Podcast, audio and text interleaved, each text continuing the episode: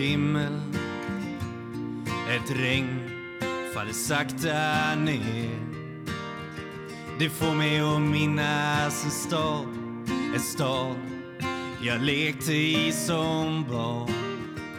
Grågrå människor i svarta, så svarta kläder. Men jag minns sorglösa dag Ett vackert minne.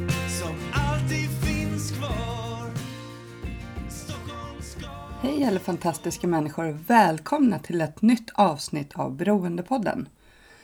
Beroendepodden är en podcast om alla olika sorters beroende, medberoende och psykisk ohälsa. Och jag som driver podden heter Anneli.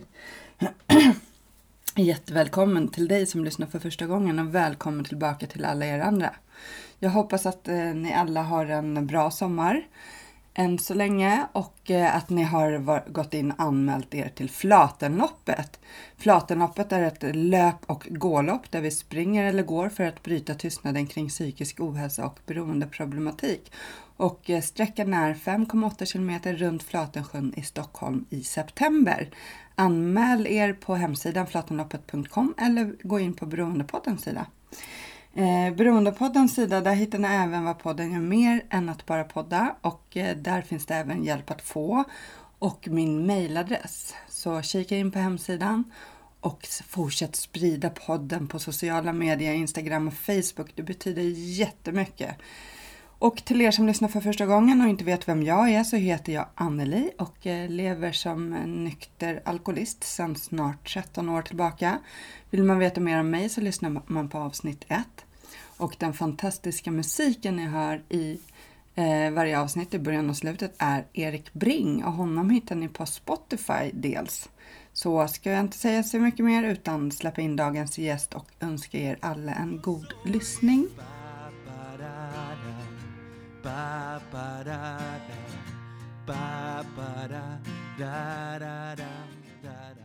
Men välkommen till Beroendepodden Lisa Wingård. Tack. Eh, ja, jag tänkte så här presentera dig. Då brukar man ju säga så här välkommen, eh, du lever nykter och drogfri, bla bla Mm. bla, så som de flesta som har lyssnat på podden vet. Men idag ska vi prata om lite olika bitar eh, som vanligt i podden. Eh, och det är dels om din uppväxt med en mamma som har varit väldigt sjuk, eller är väldigt sjuk.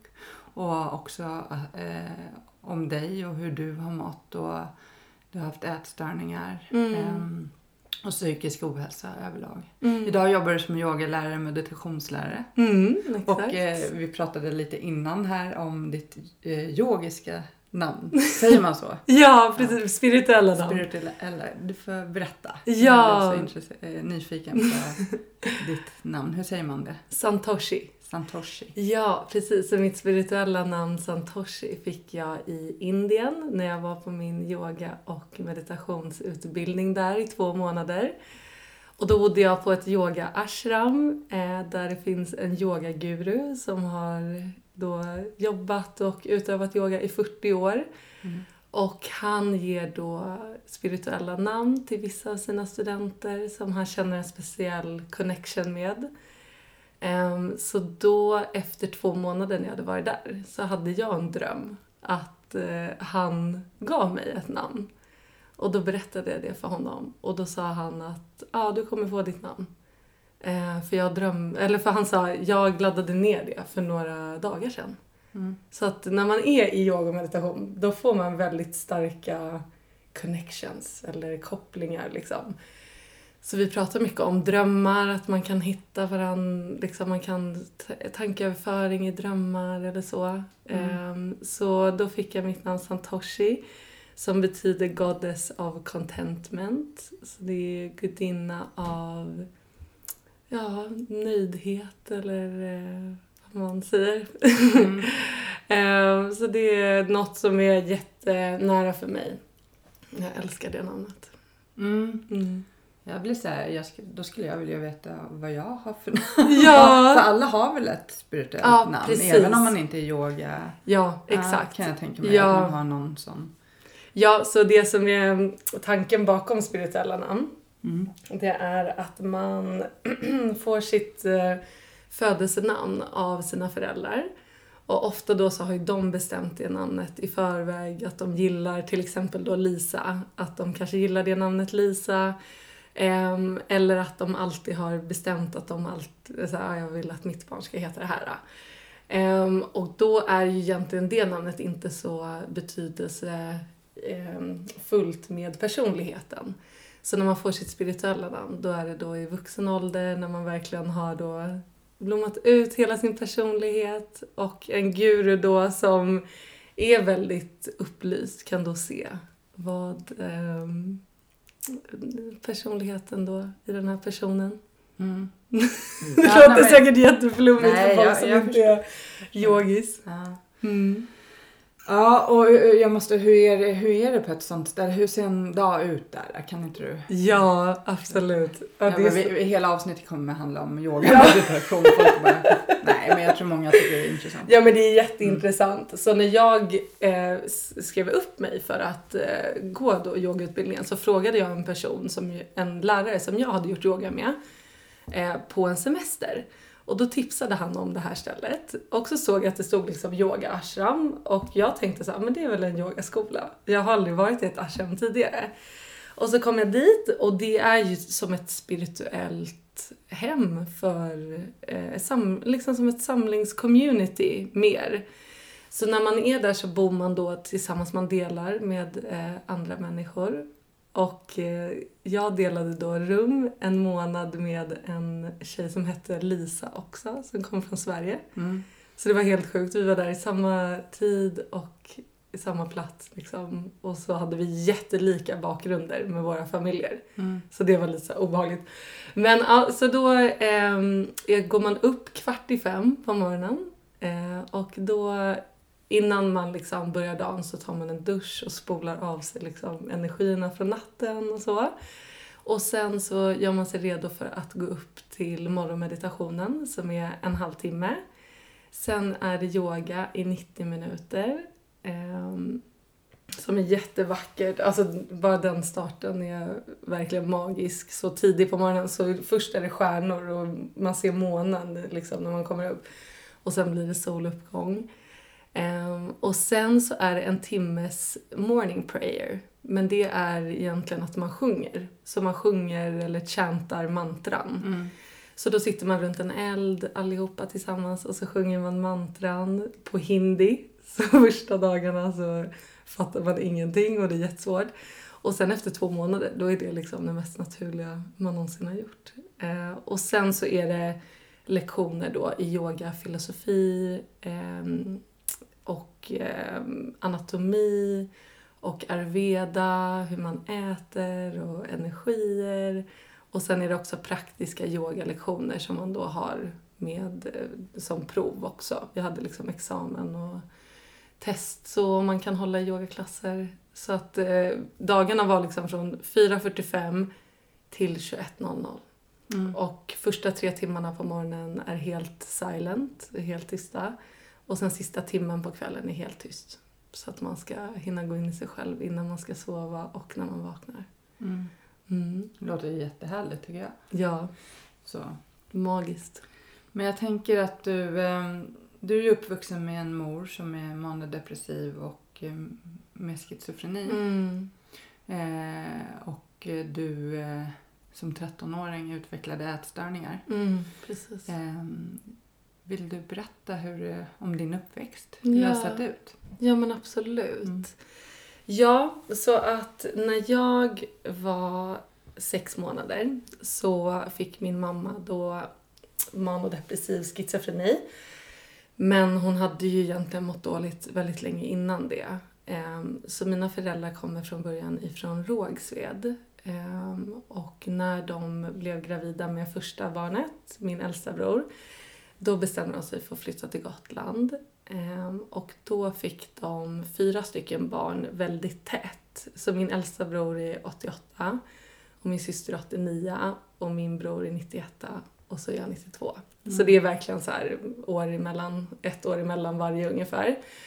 Ehm, och min mamma hade själv varit med om väldigt mycket um, sorgliga och hemska saker när hon växte upp.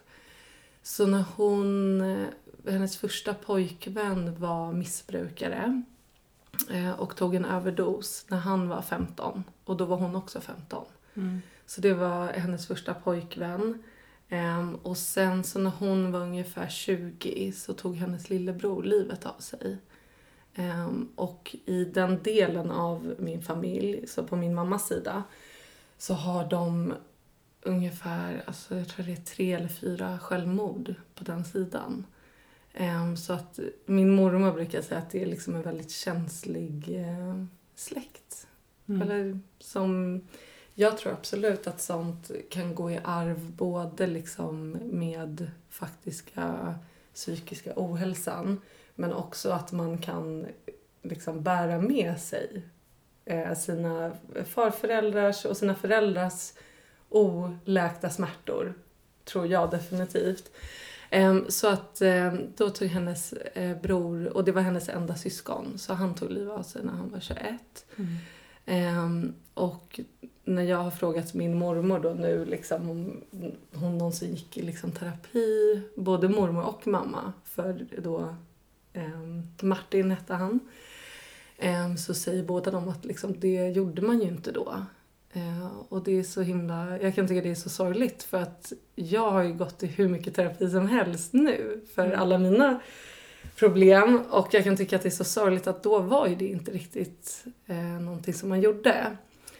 Så att när mamma då blev gravid så fick hon ju barn väldigt tätt och då fick hon först en, ehm, eh, vad heter det, förlossningsdepression. Mm. Mm. Så då blev hon liksom så här manodepressiv, alltså att hon kunde vara i sängen i flera dagar och inte komma upp i sängen. Och sen så kunde hon vara jätte så speedad, eh, har jag då fått berättat för mig. Eh, så när jag var sex månader så blev hon inlagd för första gången på sjukhus. För då hade hon sagt till min pappa att hon ville flytta och att hon ville liksom lämna.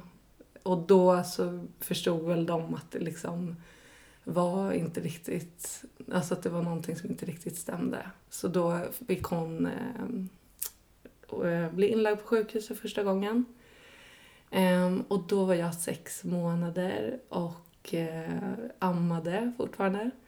Så min pappa har berättat nu efterhand att jag kunde ju liksom gråta i timmar, timmar, timmar. För att jag ville ju liksom bara ha min mamma. Mm.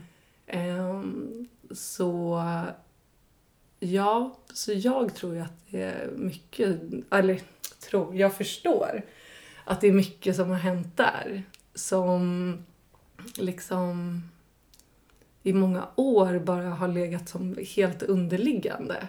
Eh, som har varit väldigt Alltså har tagit tid att förstå på många sätt hur det påverkar ett barn. Ehm, Så att det började då, tror jag, eller som jag har förstått det, så tror jag att det började då när jag blev 13 så började liksom många känslor som jag inte ens kunde sätta ord på. Alltså Mm. det började man ju förstå då. Ehm, För att innan jag var 13, då tror jag typ, då var ju det det enda jag visste. Ehm, Att min mamma var liksom sjuk. Vi kunde inte vara hemma hos henne och var vi hemma hos henne så blev vi ofta hämtade för att liksom, hon kunde liksom inte städa eller... Men separerade mamma och pappa eller? ja, Ja. precis. Mm. Ja, de separerade. Så du, ni bodde hos pappa? Ja, Mm. exakt. Så vi bodde hos pappa. Så han var ju helt plötsligt så ensamstående med fyra barn. Mm. Och alla var liksom bebisar samtidigt.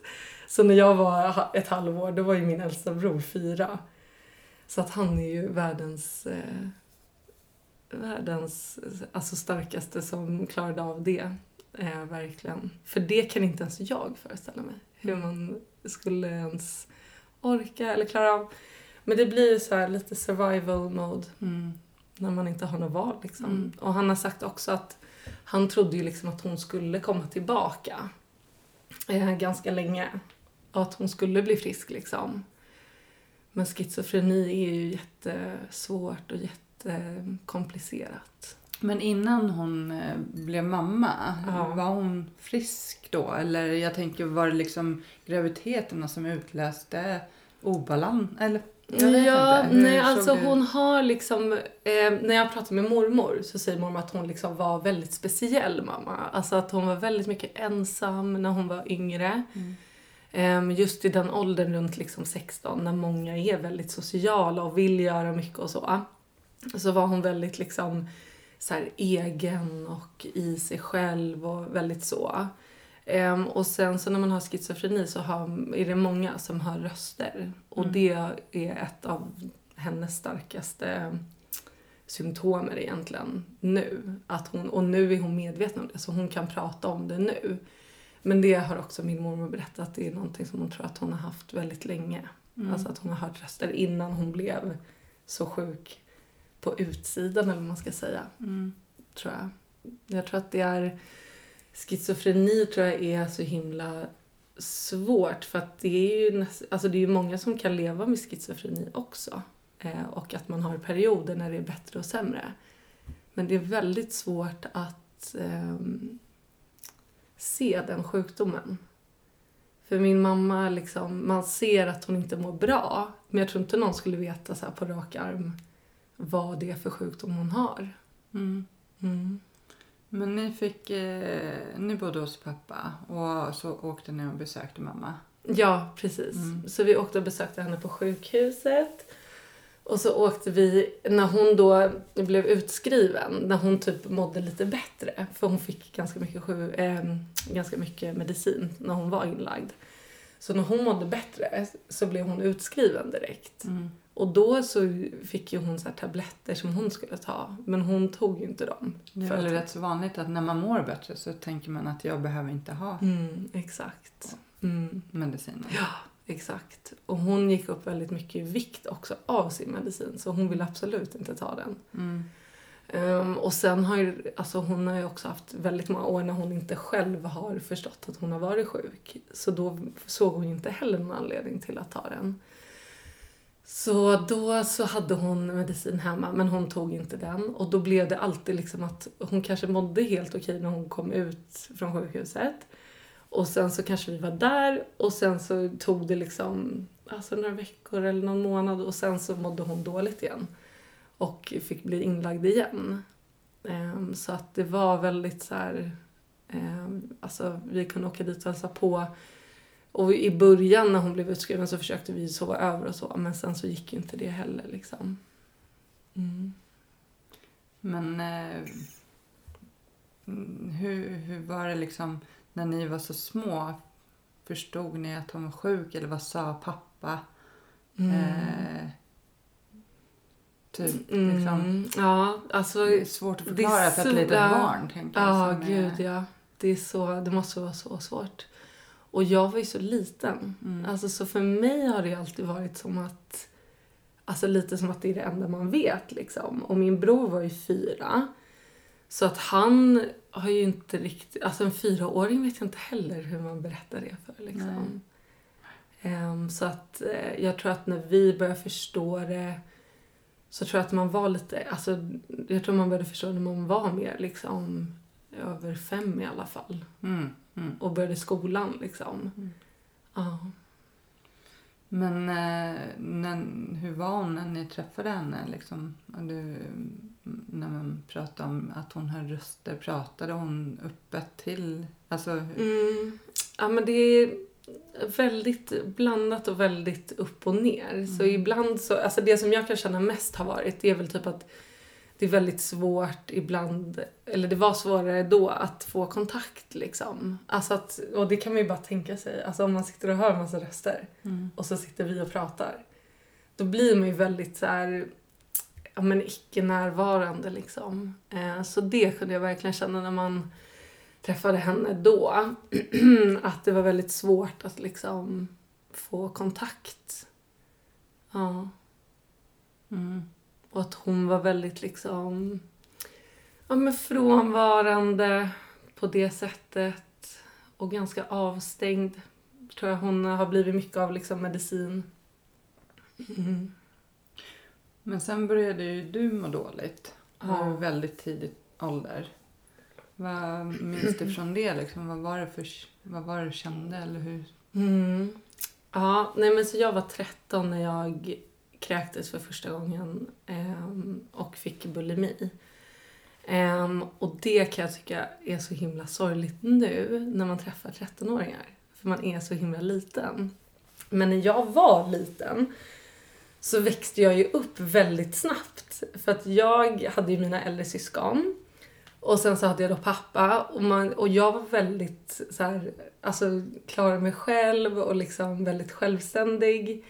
Så jag kände mig ju inte riktigt heller som en 13-åring. Och nu idag, jag känner mig inte som en 27-åring. Mm. Alltså jag kan känna mig som att jag är 80 år typ. Det är jättekonstigt, det är lite svårt att förklara också.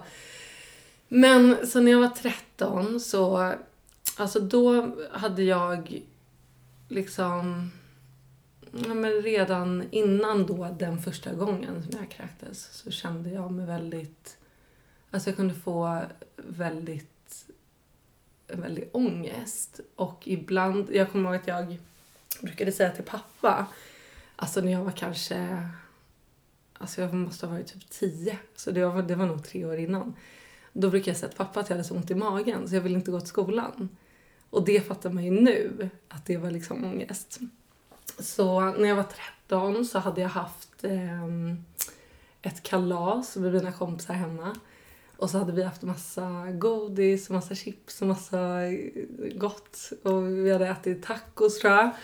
Um, och jag hade ätit jätte, jättemycket.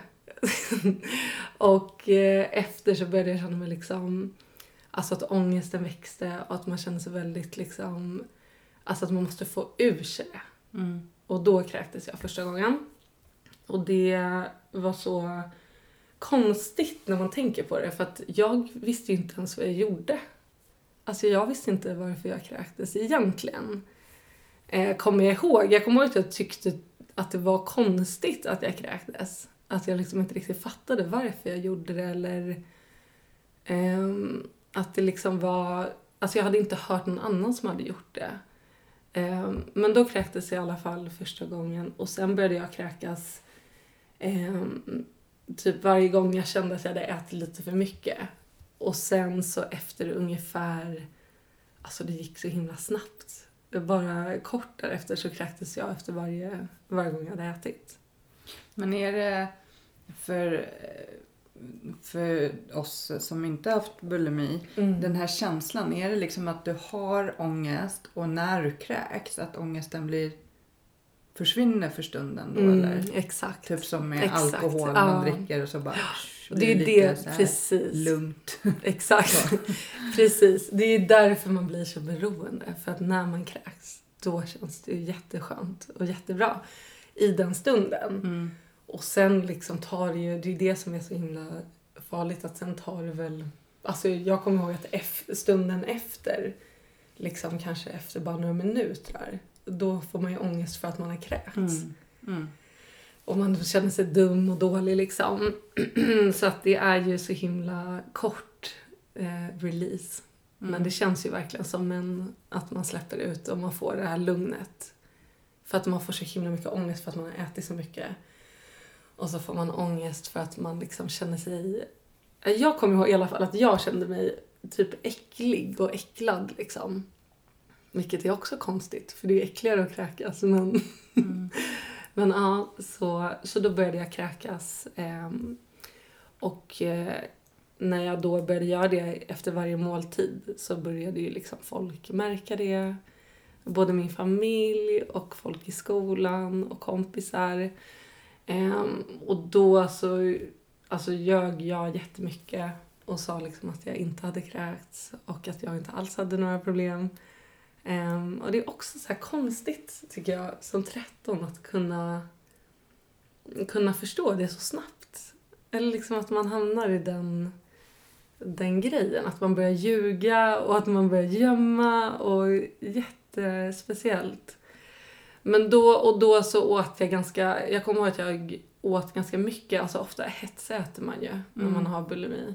Så att eh, det, då pendlade jag lite. För det är också eh, lite så ångestdämpande just att mm. hetsäta. Mm. Ja, exakt. Så att det är det jag förstår ju nu, hur mycket ångest jag måste ha haft. Mm. Och jag förstår också att när man är 13 att man kanske inte har vokabulären. Alltså jag kan känna det nu också när man har pratat så mycket med psykologer och gjort så mycket inre jobb mm. så kan jag fortfarande ibland ha svårt att sätta ord på vad jag liksom känner eller vad jag vill få fram. Um, jag har ganska mycket lättare att skriva. Alltså jag skriver väldigt mycket. Jag skriver dagbok sedan jag var typ sju. Så att jag har ju skrivit jättemycket. Men, ehm, men ja, så jag tror att jag hade jättemycket ångest som jag tog ut, som liksom bara tog utspel i ätstörningar som, eh, som jag inte ens förstod. Alltså jag förstod nog inte vad jag kände, jag förstod nog inte vad ätstörningar var riktigt heller förrän jag blev riktigt sjuk liksom. För sen gick det över till anorexi eller? Mm, Ja. precis. Så efter ungefär sex månader när jag hade varit sjuk i bulimi så började jag eh, träna mycket mer. Så jag sprang jättemycket. Alltså jag sprang så varje dag och två gånger om dagen. Och gjorde massa så här sit-ups och armhävningar och liksom ja, men så här hetstränade verkligen. Och sen så slutade jag eh, äta. Ehm, och i början så tror jag att jag åt liksom bara mindre och att jag liksom inte ville spy längre.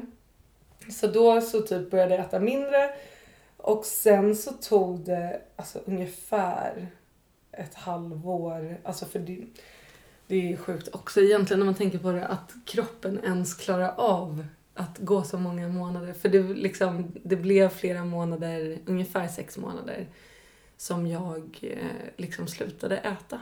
Och kanske åt... Eh, jag kommer ihåg den dagen som jag blev inlagd på sjukhus. Då hade jag ätit liksom sån här faluknäckebröd. Mm. Så hade jag dragit av en rad och sen delat den på hälften. Så hade jag ätit två såna små rutor. Det är så, ja. ja, det är galet. Mm. Mm. Och så kommer jag ihåg någon dag så hade jag ätit liksom en halv morot och man tränade och man liksom... Och jag gick ju i skolan eh, fram tills dess liksom. Alltså det är helt sjukt att man, alltså att man kan svälta sig själv kan jag tycka är så fascinerande på något sätt. För att det är liksom, man går emot sin största, alltså det största behovet som människan och kroppen har. Kan man liksom gå emot. Så det är, det är hemskt verkligen. Mm. Så då, så, alltså ja, så det gick, alltså det gick väldigt fort från att kanske äta mindre till att liksom inte äta någonting alls. Ehm, och då så var det ehm, många i skolan som märkte att jag inte åt. Eh, och det var en kvinna på min skola som jobbade i kafeterian. Och hon hade haft ätstörningar själv. Så hon liksom tog mig åt sidan och frågade hur jag mådde och så. Um, och då berättade jag för henne att jag liksom mådde så dåligt och att jag inte ville äta längre. Och då berättade hon att hon hade haft anorexia. Och då började jag ju förstå att det var liksom en ätstörning. För man hade ju liksom knappt internet. Så Mm. man visste, alltså jag visste ju inte heller vad det var liksom. Ehm, så då berättade hon om det och så hade jag mina tjejkompisar som började märka att jag liksom inte åt och så. Och då en dag så var de så oroliga så de bara vi måste åka till sjukhuset. Så vi tog liksom, och jag ville ju absolut inte det. Ehm, men då åkte vi liksom med bussen in till stan då. Ehm, och gick till sjukhuset och gjorde så här, och de gjorde, tog typ blodprov och grejer på mig. Men då var inte jag så jättesjuk som jag blev sen. Ehm, så när jag blev inlagd, det var några månader efter det. Och då hade jag inte ätit alls på, alltså, ja, förutom några rutor och knäckebröd, på alltså, flera veckor eller så, Men kommer man ens upp ur sängen då? Eller hur kom, Ja, kunde det- du träna och gå till skolan? På slutet så vet jag att jag inte kunde träna lika mycket. Men jag gick i skolan liksom hela tiden och man Mm. har ju något konstigt, konstigt sånt där driv eller energipåslag tror Mm. jag. Ehm, men, eh, men då si- sista dagen innan jag blev inlagd, då skulle jag gå upp och gå till skolan. Och så hade jag ätit knäckebröd och så träffade jag pappa i köket. Och då var jag helt svimfärdig. Och så svimmade jag. Mm. Eh, och då så ringde han då till inte sjukhuset. Och då sa de att ni måste komma in liksom. Eh, och då blev jag inlagd på eh, barnavdelningen på vanliga sjukhuset. Så att, för det fanns liksom ingen specialist för ätstörningar på Gotland där Mm. jag är uppväxt. Mm. Så det är ju också speciellt. När man, alltså, jag fick ju Alltså jag fick ju ligga liksom på ett vanligt sjukhus då, i ett rum där. Ehm, och blev... Ja, när jag kom in så... Då blev... Alltså jag fick ju ta så här näringsdrycker. Mm. Eh, och då tror jag att när jag kom dit så kunde jag ta dem. Men sen fick jag så här... Alltså det var ju så hemskt på något sätt att ligga där i det rummet också.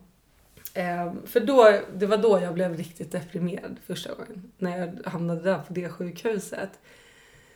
För då började det kännas så hemskt liksom, att det gick ut så mycket över familjen och sen att man liksom låg där. Alltså det blev så himla allvarligt och seriöst liksom. Så då var jag helt, eh, helt deprimerad Mm. och eh, vet att jag skrev i min dagbok att jag ville ta livet av mig. Men att jag, alltså jag skrev typ så här om jag hade vågat så skulle jag ta livet av mig nu. För det var så himla mörkt liksom. Och det fattar man ju också nu. Har man inte ätit ordentligt på sex månader eller längre Mm. så bara det är det klart att man blir deprimerad av. Så jag var ju verkligen jätte, jätte, verkligen i så riktigt mörker och såg typ inget positivt liksom. Hur gammal var du då? Typ fem, Ja, då- 14, 15? Ja, trett, nej då var jag Då 13. var du 13 ja, fortfarande. 13 Ja. och så blev jag 14 där. Mm. Mm. Men vad fick du för hjälp? Du blev inlagd på ett vanligt barnsjukhus. Mm, Ja. mm, precis. Men jag fick eh, hjälp då av BUP som kom och hade samtal med mig. Mm. Så det kom två eh, psykologer. Eh, typ, gud, jag kommer inte ihåg om det var en gång i veckan eller om det var varje dag. Jag kommer inte ihåg. Mm. Men jag fick i alla fall eh, dem. Eh, men det... Och de var ju inte specialister på ätstörningar. Eh, så det var ju också jättesvårt att... Alltså jag kommer ihåg att det var då vi började prata ganska mycket om mamma. Och började liksom alltså, bearbeta det. Vilket var ju det som jag behövde. För, för mig så var ju aldrig ätstörningarna Liksom, och det är, alltså inte för, det är väldigt många som det inte handlar riktigt om kroppen eller liksom att man vill gå ner i vikt egentligen. Jag tror, framförallt i mitt fall, att det bara var ett, ett sätt att visa att man mår väldigt dåligt och att man behöver hjälp. Liksom. Mm. Ehm, och så tror jag att jag var, alltså jag kan verkligen också tro att det var lite så här, alltså inte utbrändhet men att man liksom hade gått så många år och typ så här kämpa på liksom. Fast man hade säkert varit så himla ledsen för allt med mamma. Så att när, jag tror att det blev som en liten krasch typ. Att det bara bygger på och bygger på liksom. Så att jag tror att det verkligen var det som gjorde att ätstörningen liksom växte fram. Och det pratar vi mycket om med de här två psykologerna eh, om. Och de träffade jag ungefär, alltså, ungefär eh, några månader innan vi då... ehm, eller de hittade då en specialist som jag fick börja träffa som var riktig specialist på ätstörningar. Och då hade jag legat inlagd liksom i ungefär ett halvår och var så... Oj, fick du vara där så länge? Mm. Mm. Ja, det Mm. var också... ja, precis. Det är nog inte så vanligt att man ligger inlagd på ett sånt vanligt sjukhus så länge. Men det var ju liksom, jag... Det var ju hela tiden att jag inte ville äta. Mm. Så jag blev ju mycket tvångsmatad. Och de var ju så ah, när du börjar lära dig att äta igen så kan du få åka hem. Så ja, så, men sen så träffade jag då Els-Marie, heter hon. Och då, hon är, eh, eller var specialist på ätstörningar. Och hon hade själv varit sjuk. Så hon förstod ju mig. Och liksom förstod ju det här att äta liksom första gången var ju skitsvårt liksom. Så när jag började träffa henne, då började jag liksom ätträna. Och det är också jättespeciellt för man slu- alltså när man slutar äta helt, då får man ju så panik av att typ sitta med liksom kniv och gaffel. Mm. Så, att, eh, så vi hade liksom riktig ätträning tillsammans. Och så pratade vi mycket om eh, att eh, så här, ångesten.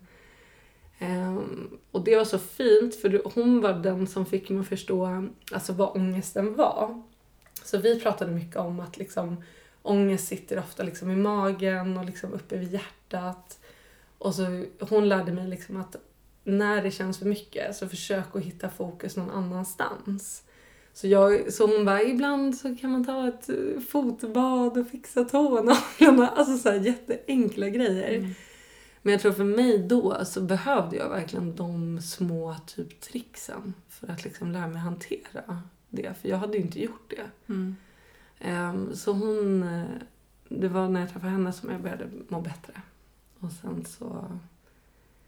Och sen efter det, när jag blev utskriven, så var det ju jättemånga år efter det som jag hade så himla mycket alltså, återfall och eh, obalans.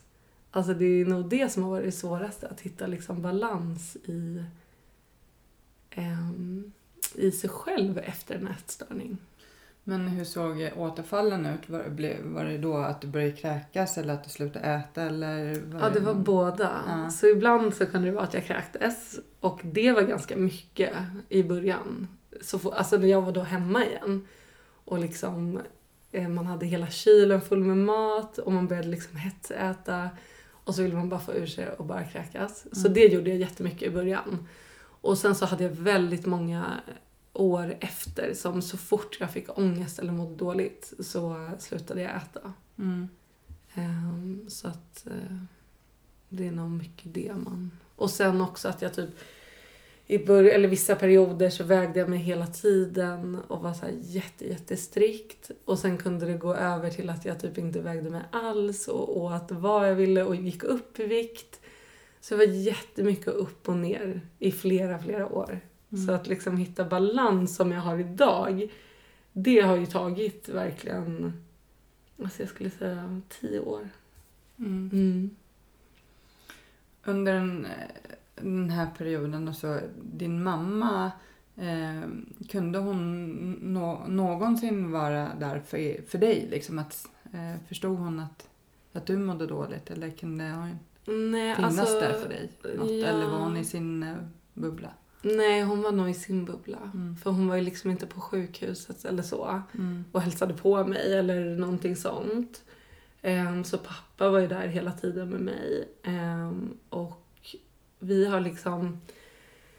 Alltså jag och min mamma vi har alltid skrivit brev till varandra för hon har så här telefonfobi också. Så Mm. man kan inte riktigt ringa henne. Så vi har liksom alltid skrivit brev. Så det har vi gjort. Ehm, men det är aldrig så att vi, alltså riktigt att hon kunde möta mig där liksom. Mm. Mm. Men så har det gått massa år där du letat efter balansen som du har idag. Mm.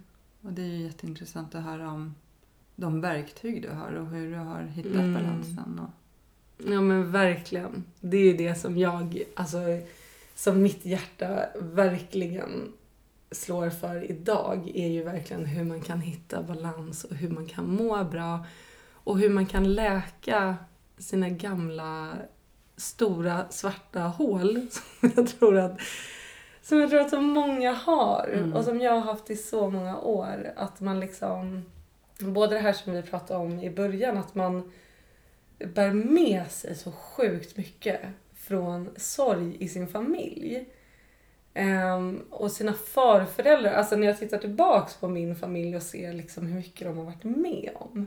mm. Ehm, så kan, man, kan jag verkligen förstå att vissa av oss, som, många som blir beroende eller som liksom hamnar i de här ohälsosamma vanorna.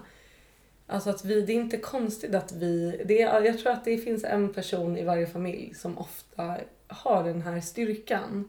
Och ofta då så tar man på sig lite mer. Och Mm. sen har man det här äh, svarta hålet inom sig. Och i början då så vet man inte hur man ska ens, vart man ska börja eller vad man ska göra. Och som jag kunde inte ens sätta ord på det.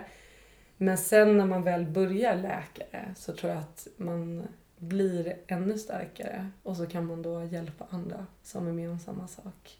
Mm. Ehm, men, eh, men jag har haft så mycket saker som har liksom hjälpt mig.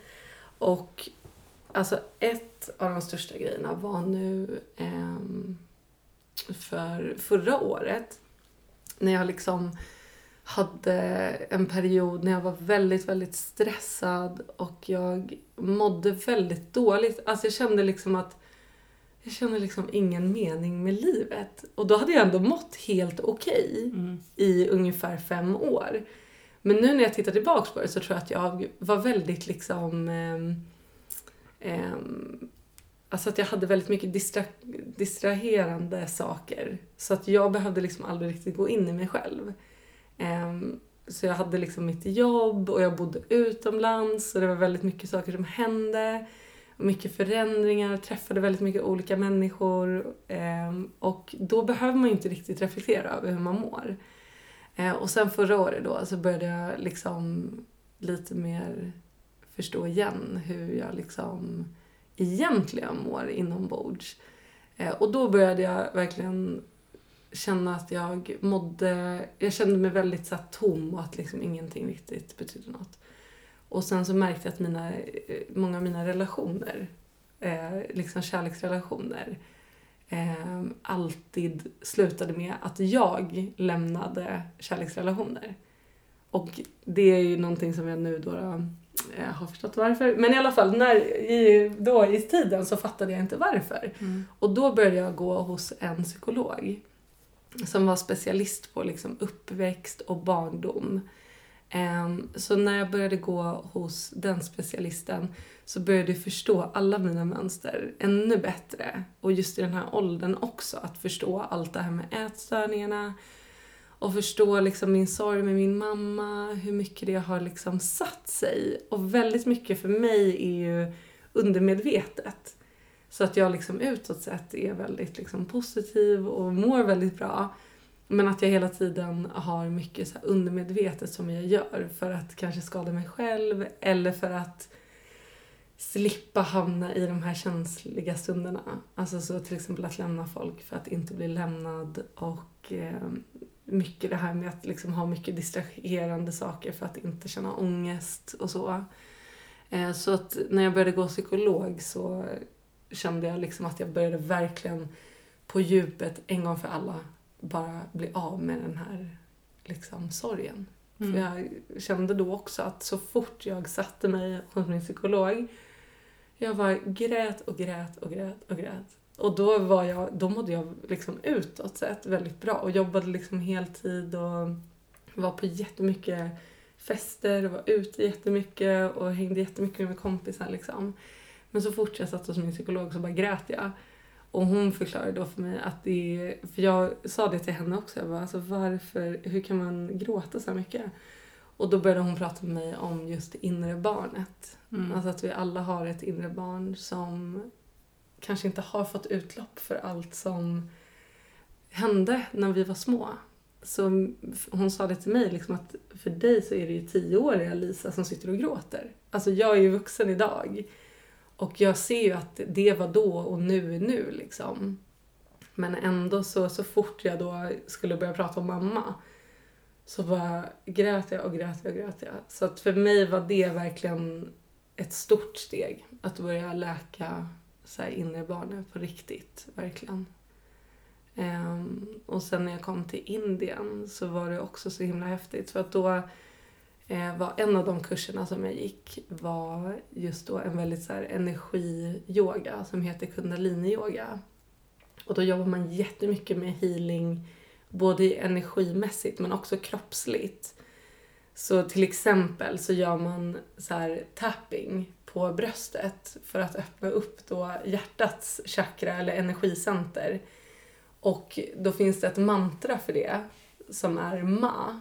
Mm. Så när vi, typ första dagen när jag kommer dit, så sitter vi typ så här 30 pers och slår så här på bröstet eller på hjärtat. Ehm, och så säger vi då ma, ma, ma, ma hela tiden. Och det blir så himla högt ljud när man sitter så 30 pers liksom. Så då blev det ju, det var som om sista så här, sista sorgen bara kom ut då. För efter vi hade gjort en sån klass, då bara grät jag och grät jag och kunde liksom vara ledsen sen resten av dagen och ha huvudvärk och må dåligt. Men sen när vi hade gjort det flera gånger i rad så bara kände jag till slut att jag kände mig liksom som att det var släppt.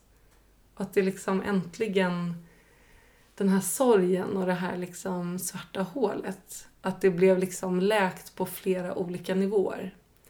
Jag tror att det är lätt att man liksom läker saker på, ja men man kanske går i terapi eller ja, det är inte heller så vanligt faktiskt att folk verkligen går i riktig terapi för, som för mig då, ett sånt starkt barndomstrauma.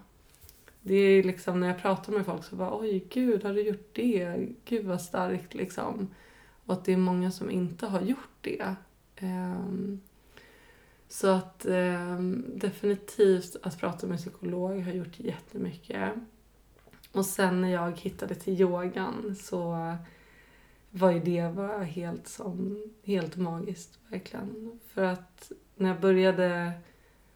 Alltså jag har hållit på med yoga i nio år och första gången jag provade det så var det liksom för mig så himla... Alltså att man inte riktigt förstod det. Att man ska andas och liksom ligga på mattan.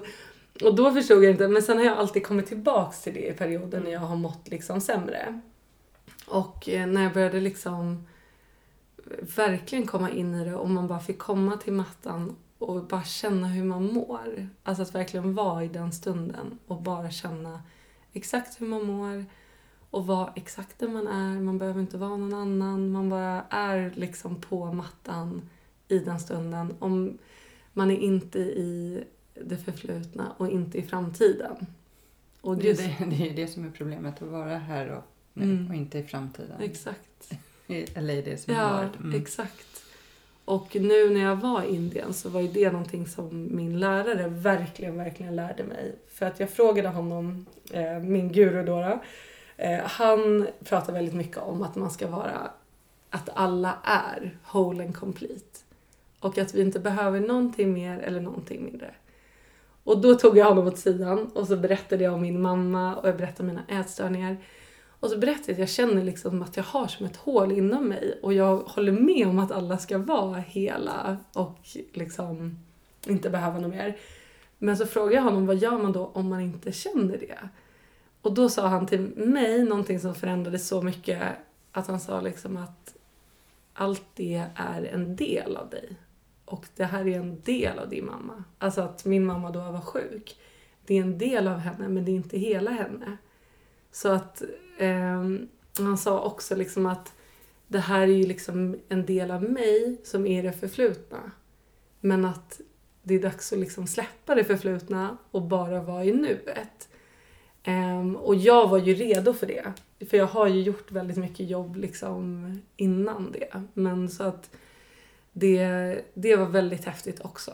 Att förstå det. Att liksom man kan släppa det. Det är inte något som man behöver bära med sig. Nu vill jag ju verkligen berätta det för att hjälpa folk som jag förstår är i kanske ätstörningar eller beroenden eller har liksom psykisk ohälsa i familjen. Um, så att jag tycker att det är värt att komma in i det liksom förflutna för att kunna berätta det. Men det är extremt skönt att förstå att det liksom inte är något som man behöver bära med längre. Mm. Ja. Släppa taget om det. Mm. Har du varit rädd själv för att uh, gå i mammas fotspår? Jag tänker med schizofrenin. Är det vanligt att man kanske... Är det ärftligt? Um, nej, alltså schizofreni är är ganska alltså, grov, grov sjukdom, eller grov psykisk ohälsa. Mm. Så att det ska krävas ganska mycket att mm. man eh, blir sjuk i det. Och jag tror absolut att det är mycket så här eh, eller det finns ju olika sätt att få schizofreni men jag har förstått att ett sätt kan vara om man har varit med om väldigt hemska, sorgliga saker som inte bearbetas så kan det liksom utvecklas till schizofreni. Ehm, och jag har, alltså jag har liksom aldrig riktigt varit rädd för det. Men, ehm, men jag tror att jag väldigt länge kände liksom att ehm, ja, men lite det här att man var rädd att man alltid skulle må dåligt, tror jag. Mm. Och det har jag nog känt länge att man Både när jag var sjuk och sen när jag blev frisk så var det många som sa så här, "Ah, man kan inte bli frisk från ätstörningar, det har man här resten av livet. Ehm, och det trodde jag på väldigt länge och tänkte så här, "Ah, jag kommer väl alltid må dåligt för att min mamma har varit sjuk och för att jag har haft ätstörningar och för att jag har haft depressioner så kommer jag alltid kunna hamna tillbaka i det. Alltså väldigt så. Mm.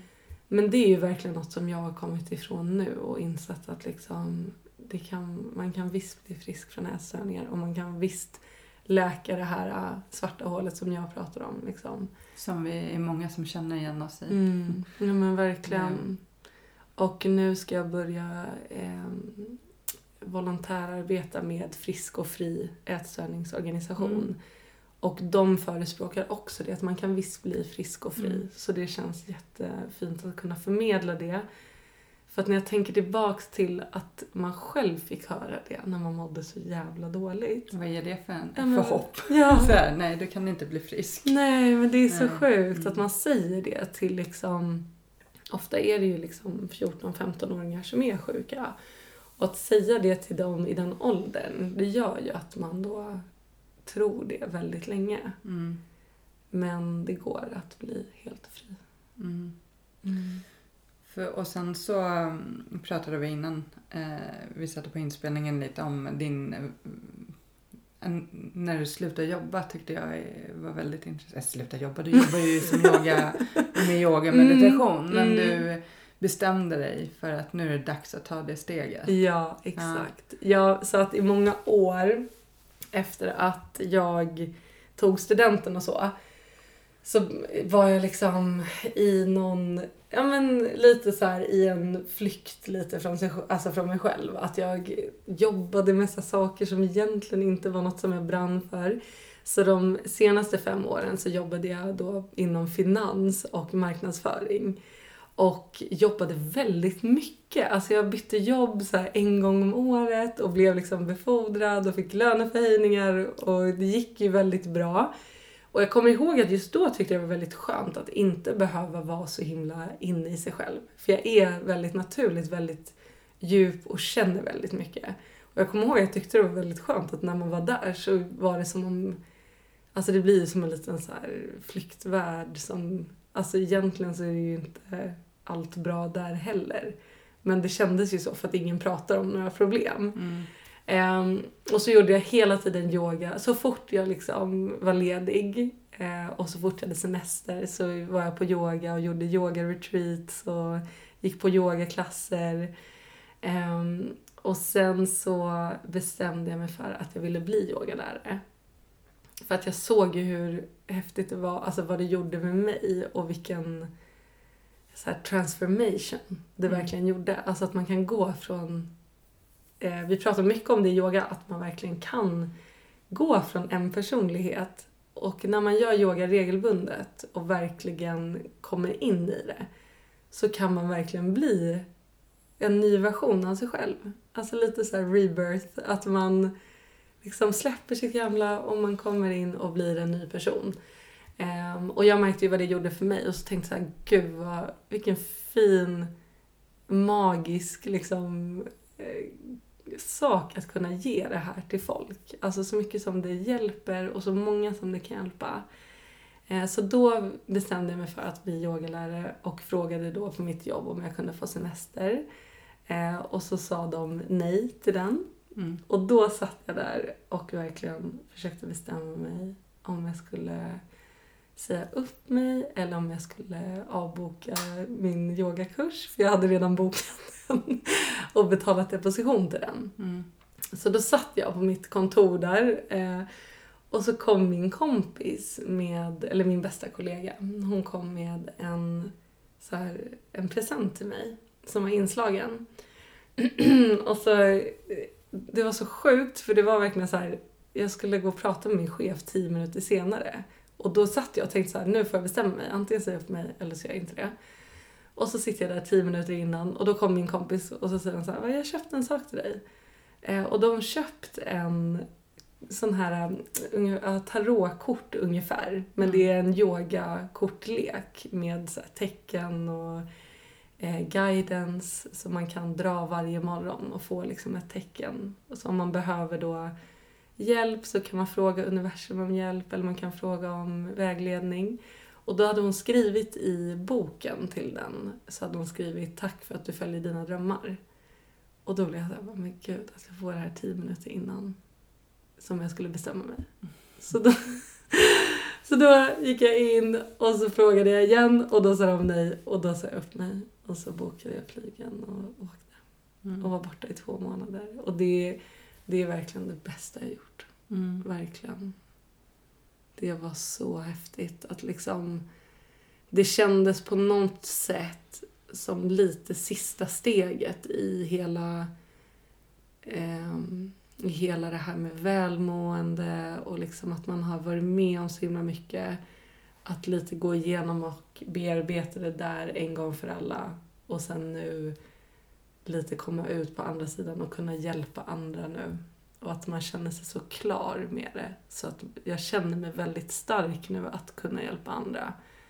För att jag tror att tidigare så har jag känt att, eh, alltså mycket att man har mått så himla liksom fram och tillbaka. Så att, eh, nej men det har varit det bästa. Meditation Mm. gör du dagligen. Mm. Eh, och jag, om man är sån som vill börja meditera och Mm. börja yoga men man kommer aldrig dit. Mm. Jag tänker, vad har du för tips då? Ja, absolut. Ja, alltså det är så roligt för att man, det verkar som att många vet att man mår väldigt bra av yoga och meditation. Mm. Men att det är ett sånt steg dit. Mm. Och jag mediterar 30 minuter varje morgon. Mm. Och när jag började så var jag faktiskt lite desperat. För det var då när, förra året när jag mådde ganska dåligt igen. Mm. Och det var ju det jag kände då, den gången, så jag kände så här, men alltså ska jag må så här igen? Mm. Jag kände så här, nu är jag liksom snart 30.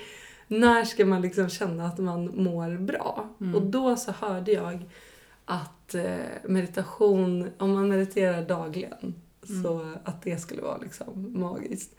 Och jag var så himla desperat så jag bara, ah, jag får prova det då. För yogan hade hjälpt väldigt mycket men jag kände ju liksom mig fortfarande lite fast i mina gamla känslor. Ehm, Så då började jag med fem minuter varje morgon. Och jag brukar säga till folk att man kan börja med en minut om man vill. Men jag började med fem minuter varje morgon. Och när man börjar med yoga och meditation så är det jätteviktigt att sätta första eh, rutinerna sju dagar i rad. Mm. Så att många då som börjar med yoga och meditation så säger man så här, nu ska jag göra det här för resten av livet. Eh, Men om man, det blir för mycket för hjärnan att ta in det och då får man lite panik direkt och så gör man det inte alls. Så att eh, om man börjar med en minut eller fem minuter i sju dagar och sen efter sju dagar så lägger man på antingen en minut till, men jag la på fem minuter till så jag började med tio minuter. Och sen så gjorde jag så, eh, utökade då fem minuter varje vecka och gjorde det i sju dagar. Eh, och nu är det sen september så har jag mediterat varje morgon. Eller för min psykiska hälsa så har det varit det största Mm. som har hänt. För att det blir så himla häftig effekt av det för att när man har sin morgonmeditation och jag gör yoga också efter Mm. Ehm, och sen skriver jag också dagbok och gör mina de här korten och så. Men när man har det, då blir man så... För det första så kan man få så himla mycket energi av det. Mm. För att man liksom börjar dagen med att öppna upp sig och landa i sig själv och liksom lyssna inåt och känna efter. Ehm, och sen så när man gör yoga så kommer, får man så himla mycket energi. För det man gör är att man öppnar upp liksom kroppen så att energin kan flöda bättre. Ehm, och efter det så känner man sig lite så här som man har typ en sköld på sig. Så ingenting kan liksom rubba en. Mm. Ehm, och eh, man, man, alltså jag känner liksom inte att jag har några dåliga dagar längre. Och det är så sjukt. För förut, Det är helt fantastiskt. Ja men det är helt fantastiskt. Det, lå- det låter helt sjukt. Men förut så kunde jag känna så här, antingen kunde jag vakna och ha, känna redan då att jag hade en jättedålig dag. Eller så kunde man gå genom halva dagen och så hände något och då kände man att dagen var förstörd. Och det har inte hänt sedan jag mediterar. Sen jag började meditera. För att man sätter själv tonen på hur man vill att dagen ska bli. Och man vet på något sätt att man har så mycket styrka i den morgonstunden. Så att det spelar ingen roll vad alla andra gör. Eller förut kunde jag tycka det var jättejobbigt om folk alltså så här, laddade av sin typ negativitet eller så här, någonting som har hänt om, om man, så här, när folk liksom tömmer av sig lite på en. Liksom. Men sen jag började meditera så är det också så här, det är liksom inte, det, det påverkar en inte på samma sätt. För man har liksom sin egna eh, sin egna liksom sköld på något sätt. Jag tycker det är så bra det du säger, liksom att en minut om dagen i sju dagar Mm. räcker. Mm. Och sen utökar man. För att det är just det här att få in den där rutinen. Mm, exakt. Och ta det där steget. Och eh, s- tänker man så här, nu ska jag börja meditera och jag ska sitta 30 Mm. minuter. Bara, det är ju jättelång tid om man Mm. inte alls är van. ja men gud Och, ja. men en minut, det, är, Exakt. Det, kan, alla. kan ju alla faktiskt. Och man kan och fem börja... minuter. Ja, och Så 30 det är liksom- sekunder. Ja. För är det första gången då kan man göra 15 sekunder eller 30 sekunder. Mm. Bara det... att sätta sig och liksom. Exakt. Men vilken är din, har du någon favorit yoga, vad heter det? Stil, vad heter det? Yoga, alltså det finns ju så många olika yogaformer. Ja, men så- exakt. Ja, men precis. Ja, men stil. Ehm, jo, när jag, innan jag blev yogalärare, då gjorde jag jättemycket vinyasa. Och Mm. det är väldigt mycket så här, eh, flow och lite mer så här kroppslig yoga. Mm. Eh, men när jag utbildade mig så utbildade jag mig i hatta-yoga. Mm. Och det är jättemeditativt. Så det är mer att man går in i sig själv. Och att man absolut gör yogaställningar och liksom det här kroppsliga. Men det handlar mycket mer om eh, energierna i kroppen och det meditativa och mycket mantran. Alltså att man kan fokusera på ett mantra som man då repeterar inombords under hela klassen. Ehm, och, ehm, så jag, min grundutbildning är hatha yoga och sen är jag också utbildad i kundalini yoga. Mm. Och kundalini är ju chakran och mantran och jätte, jättespeciell stil verkligen. Och mycket andningsövningar. Men den eh, stilen av yogan som själva skolan som jag gick, eller ashramet då, utövar heter akanda yoga. Och då jobbar man med liksom de fem elementen för att balansera hela kroppen, sinnet och själen på eh, energi, fysiskt, eh, känslomässigt, spirituellt och välmående. Så att det, den är jättehäftig. För den, det är liksom helheten i yoga, verkligen. Ja. Så sen du började med din dagliga meditation så har du inte haft någon ångest eller? Nej. Och det var det jag skulle säga faktiskt. Att jag har ju också verkligen vänt mitt... jag ska säga det här på rätt sätt. För att jag har verkligen vänt... Jag vet att jag har en väldigt beroende personlighet. Mm. Och jag är väldigt medveten om det. Och det tror jag att vi är, vi som har den tendensen. Så jag har ju märkt att jag kan ju bli beroende av nästan vad som helst. Så jag var jätteberoende av till exempel att dricka kaffe. Och det tror jag att alla är. Men jag kunde verkligen dricka typ 8-9 koppar om dagen. Och liksom hela tiden. Mm. Och sen har jag varit i perioder jobbat jättemycket, jobbat för mycket, tränat för mycket, gick på gym varje dag ett tag. Så jag vet att jag har en ganska så här, när jag väl ehm, blir liksom inne i något så kan jag verkligen bli det. Och jag tror att om man ska se något positivt med det så är det om man lyckas vända det. För att jag tror att alla vi som har lite så tendens till beroende, att vi har möjligheten att komma in i såna här rutiner. Men om vi vänder det till liksom hälsosamma eh, rutiner, som till exempel meditation, Mm. så tror jag verkligen att vi kan se det som en styrka som vi har. Mm. För det är lätt att man hela tiden tänker att det är en begränsning. Men jag tror verkligen att det är det som gör att jag kan liksom... Eh, ja, men göra, jag gör väldigt mycket så rutiner och ritualer liksom för mitt välmående. Mm. Och det är jättemånga som säger så här, det skulle jag aldrig kunna göra. Men jag tror absolut att eh, en del av till varför jag kan verkligen bestämma mig för sånt är för att jag har väldigt lätt att liksom Mm. bli väldigt inne i saker. Mm. Mm. Och det är för att det är det vi också här i podden som jag vill nå ut med genom era historier. Mm. Det är hur man kan hitta vägen att må bra. Mm. Eh, Vi har inte, jag har inte pratat så mycket om yoga eh, och meditation tidigare men, men just det vet jag ju är bra. Mm. Och just meditation vet jag ju jättemånga Mm. säger att de liksom har Mm. fått det här inre lugnet Mm. och ångesten är borta och så. Mm. så har man testat det mesta men inte testat yoga och meditation än Mm. så säger vi att gör det. Ja, Eh, gör det.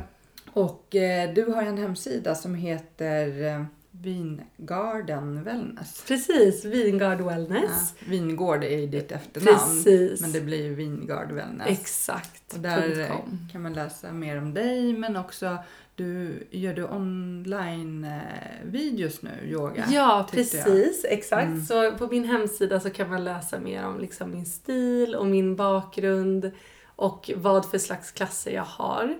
Ehm, och jag har väldigt eh, stort utbud just nu. Så jag har både online Mm. eh, som man kan göra och sen så har jag privatklasser och de är jättehäftiga och jättefina. För då är man en och en. Så det är nästan som en liksom, PT-timme skulle man kunna kalla det. Men med yoga då. Så att då är det bara jag och personen. Och då kan man ju verkligen diskutera vad man vill få ut av yogan och meditationen. Och så jobbar vi liksom på det. Eh, och sen så har jag också yogaresor, så yoga-retreats. Och det kan man också antingen då åka med på till exempel yogahelg på Gotland med mig. Mm. Ehm, eller så kan man också ha för mindre grupper. Så jag har haft liksom kompisgäng som har velat ha en kanske en och en halv timmes yoga och meditation tillsammans. Det är superfint verkligen. Mm. Eh, och sen kommer jag också ha eh, lite mer eventaktiga yogalektioner utomhus i sommar. Eh, så att på min hemsida och på min Instagram så kan man se Vad, allt vad heter din Instagram? Vingard Wellness också. Mm, heter det. Mm. Ja, Så- jag, ja, jag skulle bara vilja tacka min familj och framförallt min pappa och min syster och min mormor som har gjort så mycket för mig. Som har hjälpt mig så mycket verkligen. Och jag tror verkligen att om man själv känner att man är i liksom mörkret eller vad man ska säga så tror jag att man bara ska verkligen hitta de personerna som är där och som man själv känner styrka hos. Och att man kan, som man kan ty sig till. Och sen också våga liksom hitta hjälp och våga prata. Ja, och inte ge upp att det verkligen Mm. det finns eh, hjälp att få Ja, eh, och det går att må bra. ja verkligen. Tack så jättemycket och all lycka till i framtiden. Tack själv. Lycka till till dig med.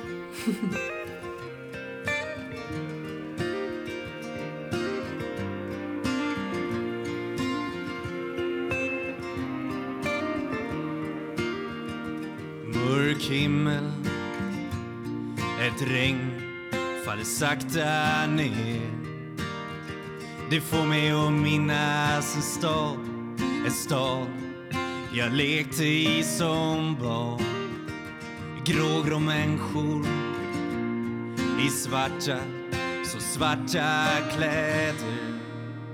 Men jag minns sorglösa dag Ett vackert minne som alltid finns kvar Stockholms gator och torg Ett liv så långt ifrån sorg ba, ba, da, da.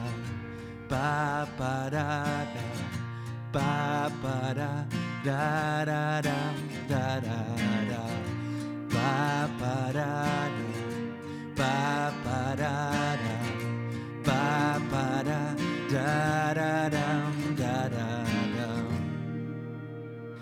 En dyster T-baneperrong Ett liv inrutat i betong Stäng ut det andra med musik. Fokusera allt på att bli rik. Här finns en dyster atmosfär. Ett liv kretsat kring karriär. Men jag min sorglösa dag. Ett vackert minne som alltid finns kvar. Stockholms gator och torg. Ett liv så långt ifrån sorg. Ba, ba, da, da. Ba, ba, da, da. Ba, ba, da, da, da, da, da, da, da. Ba, ba, da, da. Ba, ba, da, da.